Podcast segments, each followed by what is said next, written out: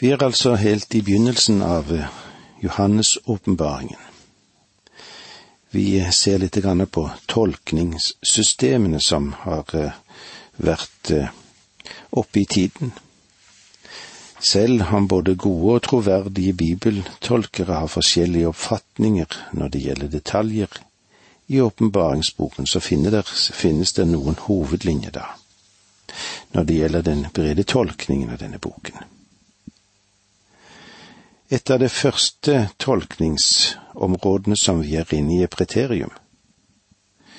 Tolkningen går ut på at hele åpenbaringen er gått i oppfyllelse i fortiden. Den hadde å gjøre med den tid da Johannes døde, og tiden enten under Nero eller Domitian.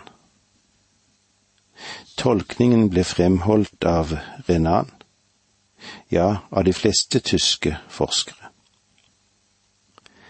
Hensikten med åpenbaringsboken var å gi trøst til den forfulgte menighet, og at den var skrevet da i et symbolsk språk, slik at de kristne på den tid kunne forstå det som ble formidlet. La meg få lov til å si at boken, åpenbaringsboken, den betydde mye, det var en veldig trøst for Guds folk. Ja, det har den vært til alle tider. Men å fastholde dette synet kan like gjerne bety at du kan fjerne åpenbaringsboken fra Bibelen, fordi den ikke har noen betydning for nåtiden, og heller ikke for fremtiden. Dette synspunktet tror jeg er passé og det er neppe noen som seriøst vil holde fast på denne forståelsen. Den andre siden av det tolkningssystemet som vi er borti, det er den historiske tolkningen av er at oppfyllelsen av åpenbaringen går fortløpende i menighetens historie. Helt fra Johannes sin tid og frem til nå. Jeg tror at det er mye sant i hva det er som angår de syv menighetene som var omtalt. Men utover det virker det ganske innlysende at åpenbaringsboken, den er profetisk. Den historisk-spiritualistiske tolkning er en påbygning av den historiske teorien, og den ble framsatt blant annet av sir William Ramsay. Denne teorien fremholder at de to dyrene er verdensvid, og det nasjonale Rom er at poenget med boken er å oppmuntre kristne. Ifølge denne teorien er åpenbaringsboken stort sett fullbyrdet og inneholder bare noen åndelige lekser som menighetene kan ta for seg i dag. På bakgrunn av denne tolkning er det kommet inn en rekke uvanlige synspunkter og merkverdige påstander om åpenbaringsboken. I lys av dette synet avvises det ene etter det andre av åpenbaringen som symboler, og det han gjør da, er at det blir borttolket. Denne tolkningen har hindret at den har tatt åpenbaringens budskap seriøst. Det betyr at det viktige skriftet, det har fått en stedmoderlig behandling. Den eh, fjerde tolkningen er den futuraristiske tolkningen, og dette synspunktet det fastholdes av de fleste premillennialister. Millennium, som er tusen år, og premillennialist går på at menigheten bortrykkes før trengselstid og tusenårsriket. Det er det synspunktet som jeg heller til, og det er det jeg har som ledetråd når jeg skal gå gjennom åpenbaringsboken. Dette er en tolkning som følger åpenbaringsboken ganske tett. Og den begynner med åpenbaringen av den herliggjorte Kristus. Deretter så føres menigheten inn i fokus og vi får menighetens historie i snitt. Og så, etter slutten av det tredje kapitlet, hentes menigheten hjem, og vi ser ikke mer den samme menighet, men som bruden som vil komme til jord med Kristus når han kommer for å opprette sitt rike. Det tusenårige veldet som Johannes vil fortelle oss om, det er det vi ser der. Det vil være en prøvetid, for i slutten av denne perioden blir Satan løst for en kort tid. Derettes, deretter slås det siste opprøret ned, og evigheten begynner. Dette er et synspunkt på åpenbaringen som generelt sett blir akseptert. I våre dager er det mange kritikere som har en slik tolkning som ikke bare forsøker å avvise den, men også kan si ganske harde ting om den. Både unødvendige og harde og uriktige synspunkter. Det fremholdes at denne premillenniumstolkningen er noe som er relativt nytt og det er riktig at den er blitt utviklet til et system gjennom dette århundret. Men det gjelder også de øvrige tolkningene som jeg har nevnt her. Og samtidig må jeg få si at det er andre tolkninger som tidligere var aktuelle. Men nå ofres det ikke så stor oppmerksomhet. For eksempel trodde postmillenistene at verden ville bli bedre og bedre. At menigheten skulle omvende hele verden, og da ville Kristus komme og herske. Dette synspunktet er nesten dødt i dag. Etter de to verdenskriger, en verdensvid depresjon og krise på krise som verden har hatt, synes nå å gå gjennom at det er få som fremdeles holder fast ved denne forståelse. Det er òg de som holder fast ved det vi kan kalle for a-millianismen. Og det betyr at de ikke tror på et tusenårsrike i det hele tatt. Det er også et synspunkt som ikke lever så veldig mye nå. Men eh, det er eh, iallfall noen som har den forståelsen av at slik kan òg åpenbaringsboken tolkes. Det som vi i alle fall må prøve å ha klart for oss, er at endetidsperspektivet betyr naturligvis ikke at boken først blir aktuelt for den generasjonen som opplever at Antikrist er kommet, og dermed den store trengsel.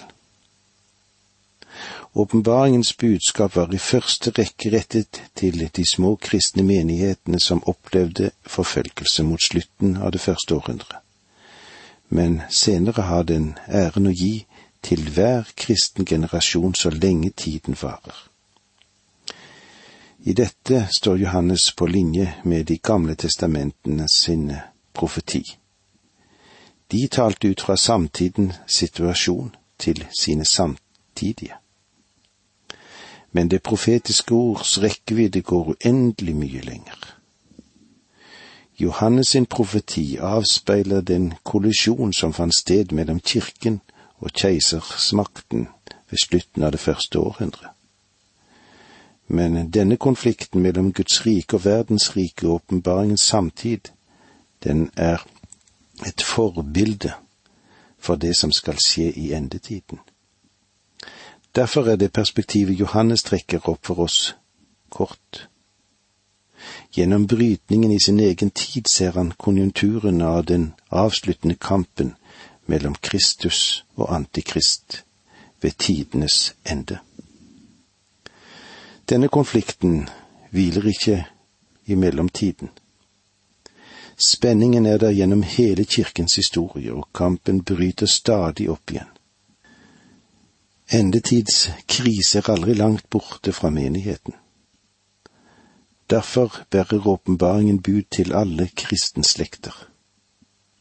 Men særlig autoritet får den for de som oppdager at det antikristlige krefter igjen løfter sin fane til strid. Og eh, med disse ordene må vi få lov til å si takk for nå. Må Gud være med deg. Dette undervisningsprogrammet består av to deler. Åge Nevland fortsetter nå med andre del av dagens undervisning. Vi er i introduksjonen, eller begynnelsen, av Johannes' åpenbaring, og det er viktig for oss å se hvilken betydning den har hatt opp igjennom i tidene, og hvilken den betydning den har òg for oss i dag. Kan hende det kan virke litt kjedelig med å oppbremse med sitater fra noen betydningsfulle menn i fortiden som forteller at de ventet på at Kristus skulle komme igjen.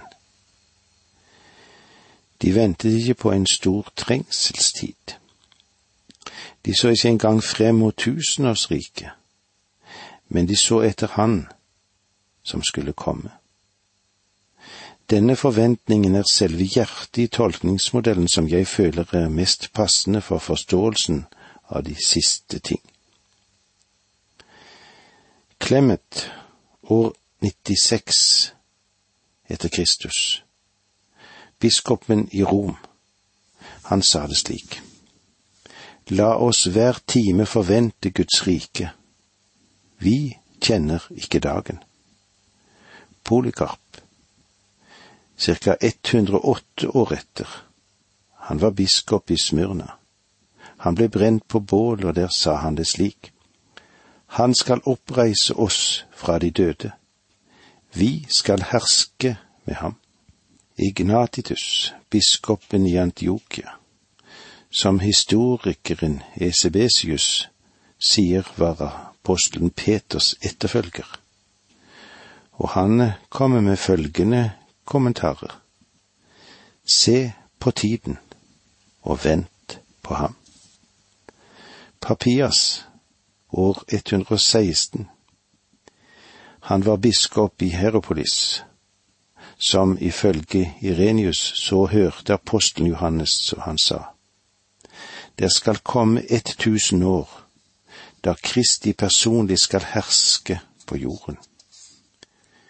Justenius, martyren, år 150 etter Kristus sa, Jeg og alle andre som er, som er ortodokse kristne på alle punkter, vet at det vil komme et tusenår i Jerusalem, som Jesaja og Esekiel forkynte. Irenius, år 175, biskop av Lyon. Når han kommenterer Jesu løfte om igjen å drikke vi av vintreets frukter i sin fars rike, så sier han blant annet dette. Dette kan bare oppfylles ved Herrens personlige tilbakevending til jorden. Tertullian, år 200, han sa det slik. Vi bekjenner i sannhet at et rike er lovt, lovet opprettet på jorden. La oss gjenta det. Vi bekjenner i sannhet at et rike er lovet opprettet på jorden. Og Martin Luther, han sa det på denne måten. La oss ikke tro at Kristi komme er langt borte. La meg få lov til å understreke at dette var en lære som ble trodd og forkynt av de fremste kirkefedre i den tiden etter apostlene, og ikke avvist av noen i denne epoke. Jeg har forsøkt å sitere såpass mange vitner fra apostlenes tid og gjennom de første århundrer for å understreke at tolkningen av Skriftene var at den ventet på Kristus. De ventet ingen spesiell trengselsperiode, men de ventet på Kristus.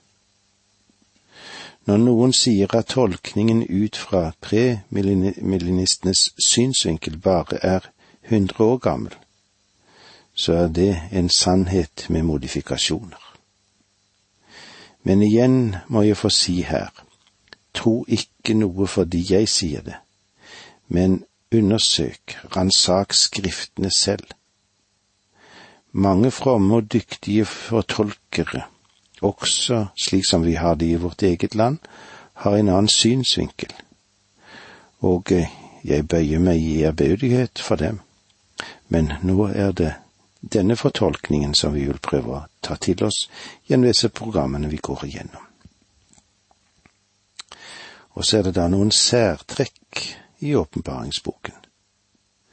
Det er seks slående særtrekk når det gjelder åpenbaringen. Det første, det er den eneste profetiske bok i Det nye testamentet. Det er 17 profetiske bøker i Det gamle testamentet, men det er bare én i Det nye testamentet. Johannes, som er forfatteren, strekker seg lenger bakover inn i evigheten enn noen av de andre forfatterne i Bibelen. Det gjør han også i sitt evangelium, som åpner slik på denne måten. I begynnelsen var Ordet, og Ordet var hos Gud, og Ordet var Gud. Deretter går han fram til skapelsen. Alt er blitt til ved ham. Uten ham er ikke noe blitt til av alt som er til. Og deretter, når Johannes så skriver åpenbaringsboken, strekker han seg lenger også fremover og inn i evigheten. Inn i fremtiden og det evige riket der vår frelse Jesus Kristus skal være Herre. Det tredje av disse slående trekkene er det er en spesiell velsignelse lovet dem som leser denne boken. Åpenbaringen 1.3 Salig er den som leser ordene i denne profeti, og de som hører dem og tar vare på det som står skrevet, for tiden er nær. Det er et løfte om velsignelse. Vi får også en advarsel ved slutten av boken som er rettet til de som klusser med innhold i den, slik som det står i det 22. kapitlet vers 18 og 19.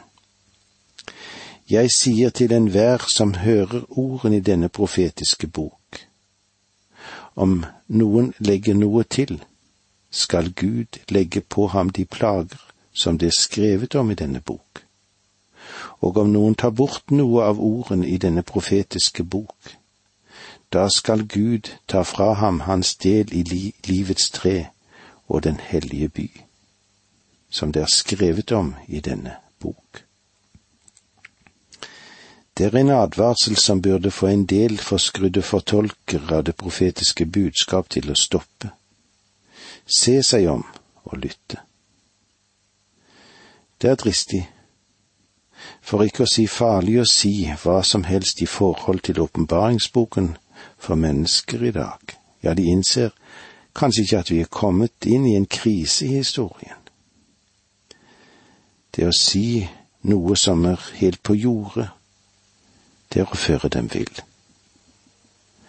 Uheldigvis er det slik at noen av de mest populære lærere når det gjelder profetiene, er dem som har hatt noe av de villeste tolkningene. Dette har ført til et meget alvorlig problem, som vil ha konsekvenser for mennesket sin totale forståelse av det kristne budskapet. Ja, det vil de ha i lang tid fremover. Det fjerde særtrekket som vi har, er at det er ikke en forseglet bok. Daniel ble bedt om å forsegle boken til endetiden, slik det står i Daniel 12,9. Da sa han til meg, gå bort, Daniel, for disse ordene skal være skjult og forseglet inn til endetiden. Men til Johannes så sies det noe annet i åpenbaringen 22.10. Sett ikke seil for de profetiske ord i denne boken, for tiden er nær. Det å si at åpenbaringsboken er et sammensurium, som det er vanskelig å finne noen begynnelse på, eller slutt på, det kan han ikke trekke ut av de to tingene som vi har vært innom nå når det gjelder Daniels bok åpenbaringsboken. Dette er ingen forseglet bok Nei, dette er faktisk en av de best disponerte bøker som vi har i Bibelen.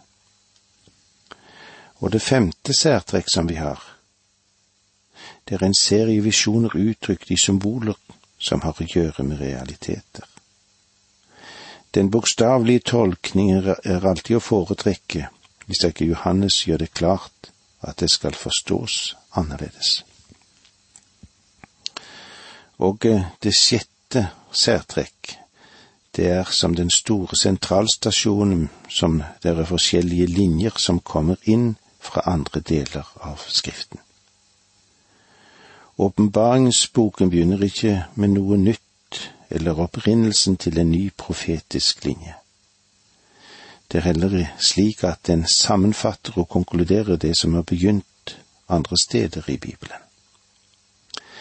Det er viktig for en riktig forståelse av boken å være i stand til å spore opp ethvert stort profetisk tema, fra første henvisning til det endelige mål. Og det er minst ti store temaer som vi vil finne samlet her. Og det er grunn til at kunnskap om den øvrige delen av Bibelen er absolutt nødvendig for å få en god forståelse av åpenbaringsboken.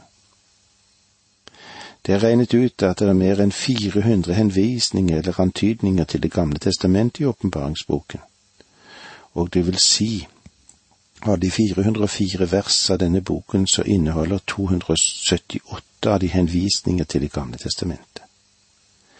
Det vil si at mer enn halvparten av boken er fullstendig avhengig av vår forståelse av det som er i Det gamle testamentet. Og det er derfor det er så viktig for oss å ha det riktige forhold og den riktige synsvinkel i både Det gamle og Det nye testamentet i det vi går inn i åpenbaringsboken. Det var så langt vi kom i dag.